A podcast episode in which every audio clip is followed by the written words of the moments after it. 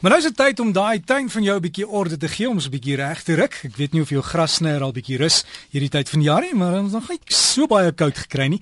JJ Jansen van Rensburg is van Garden World en JJ, nou net voor ons op die lug gaan, ons het gou gesels oor die bolle wat hierdie jaar lyk my bietjie skaars is, né? Nee?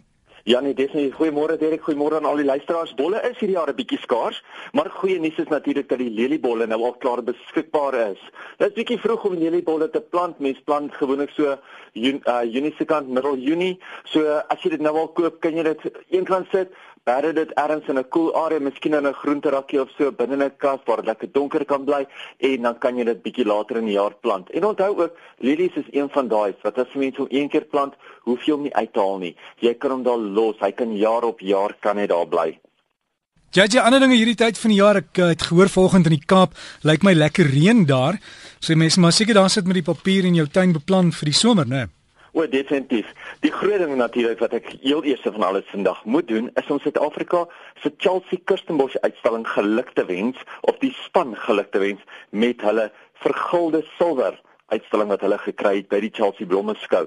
Natuurlik was die uitstalling uh, genaamd In Harmony with Nature in harmonie met met die natuur en hulle het soos ek gesê het nou net 'n vergulde silwer hierdie week gekry uh, of verwerf En natuurlik is dit nog steeds, ek weet ons kry baie ander jare kry ons goud. Hierdie jaar was dit 'n vergulde silwer en glo my, die hoeveelheid werk wat daarin gaan is nog steeds asemrowend. Dit is nog steeds astronomies baie. So baie geluk aan hulle. Soos jy nou net gesê het, Janie, dit het lekker gereën in die Kaap en ek het mense gehad wat my gister uit die Kaap uit gebel het en gesê, "JJ, moet ons ons grasperke nou voer?" Nou as jy gaan water op jou grasperk gooi, ja, as jy gaan water op jou grasperk kry, ja, dan kan jy jou grasperk voer, veral nou as hulle begin met hulle reenseisoen, want nou gaan dit die groei seisoen vir hulle wees.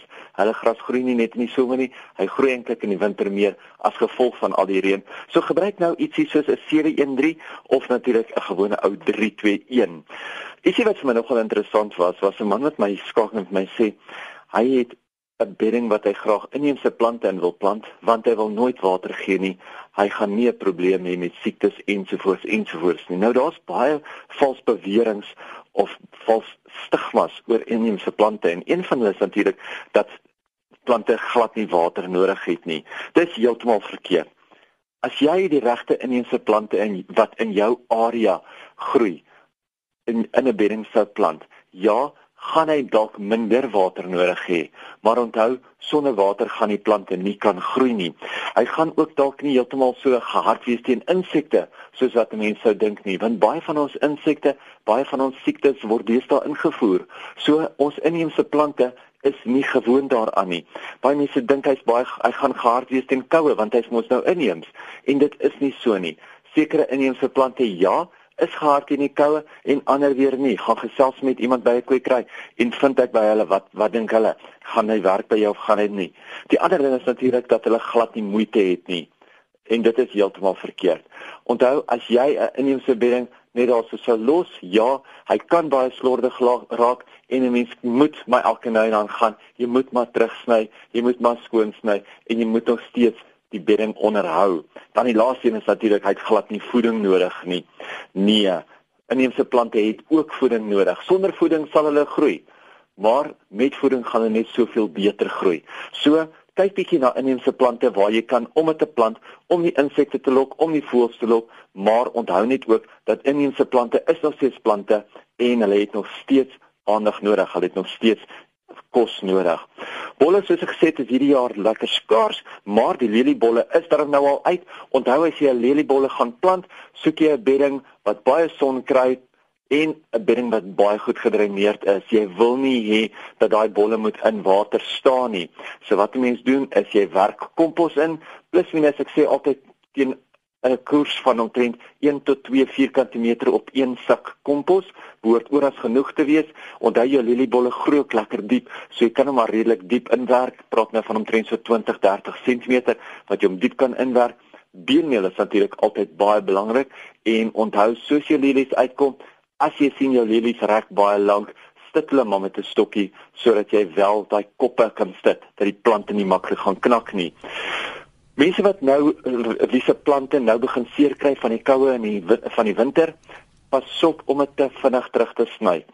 As jy jou plante te vinnig gaan terugsny, gaan jy eintlik die plant wat nog deur daai ou dooie blare beskerm word, gaan jy die plant weer blootstel en gaan jou plant vinniger verder terugvrek. Maar onthou, as jy daai plante, as jy daai blare daar los, kan jy die plante nog beskerm vir die winter en aan die einde van die winter kan jy hom terugsny want dan wil jy nuwe groei promoveer. Jy wil nie nou al nuwe groei hê nie.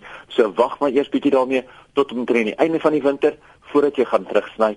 Dan die ander ding natuurlik oor die winter is die blare wat val. Baie mense het nou verskriklik baie blare wat val. Ek sê natuurlik altyd, moenie al daai blare oppark nie, moet dit nie net gaan weggooi nie, maar pas op om nou daai blare in die grond in te werk want baie mense gaan nou en werk daai blare in die grond in. As jy daai blare in die grond inspit, maak nie saak hoe oppervlakkig jy dit doen nie, gaan gaan jy al die stikstof uit die grond uithaal en gaan jy jou ander plante eintlik verarm. So moet dit eerder nie nou in die grond inwerk nie. 'n Mens moet net kompos in die grond in, inwerk as dit klaar afgebreek het, maar onthou op hierdie stadium gaan jou ertwurms daai blare vat en dit in die grond inwerk. Dit is dit vir vandag. Hm, Daar's dit jy Jackson klomp navraag. Mense kan maar net vir jou e-pos stuur. Hulle moet maar net kort en dan antwoord jy vinnig. Uh dis jy hier by gardenworld.co.za nee. Dis is Derek, ek antwoord so vinnig soos ek kan en natuurlik soos jy sê, as hulle dit kort hou, gaan hulle vinniger antwoord kry. ja, want hier's wat iemand geskryf het, net wanneer snoei jy Kersrose? Stuur daai e-pos vir JJ JJ by gardenworld.co.za. Dan sal hy net vir jou sê nou of oormôre. JJ, alles van die beste en lekker naweek hou. Dankie Derek, jy moet ook 'n lekker naweek hou en ons gesels weer volgende week. So gesels ons JJ Jansen van Rensburg, hy is van Garden World, gaan loer ook op hulle webtuiste, dis gardenworld.co.za.